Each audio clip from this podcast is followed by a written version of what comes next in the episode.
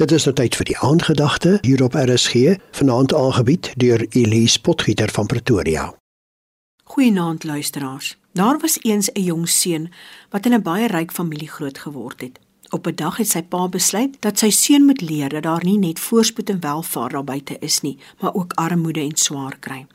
Hy en sy seun pak toe 'n reis aan na 'n plaas waar 'n baie arm familie gewoon het. Hulle het letterlik van die hand na die mond geleef. Hulle het 'n hele paar dae daar spandeer waar hulle saam met die familie op die plaas gewerk het. Hulle moes help met die kos wat van die lande afgeoes is en hulle moes ook sorg dat daar vanaand kos was vir aandete. Toe die pa en seun weer vertrek het, vra die pa die seun of hy die tydjie geniet het en of hy iets geleer het. Die seun het vinnig gereageer en gesê: "Dit was fantasties. Die familie is so gelukkig." Verward vra die pa hom: "Wat bedoel jy?" Hy antwoord toe: "Ons het een hond, hulle het 4 en hulle het nog ander diere ook op die plaas. Ons is net 4 mense in die huis, hulle is 12. Hulle het soveel maatjies om mee te speel. Ons het 'n swembad, maar hulle het 'n eindelose rivier om in te swem. Ons het buiteligte in die aand en hulle die hele hemelry met al sy sterre en die maan. Ons het 'n patio, maar hulle het 'n eindelose velde om op te speel. Ons het kruienierswinkels, maar hulle het die vermoë om hulle eie kos te plant en te oes. Die pa was sprakeloos, want die kind het dit so mooi opgesom. 'n Mens het nie welvaart nodig om gelukkig te wees nie.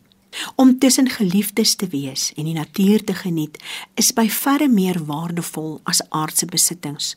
'n Volgeseënde lewe se betekenis verskil van mens tot mens. En daarom spreek die Bybel ook hierdie onderwerp aan.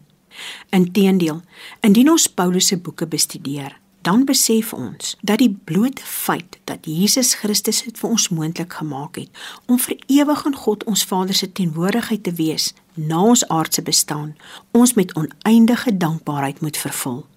Romeine 12 lees: Gee julleself aan God as lewende en heilige offers wat vir hom aanneemlik is.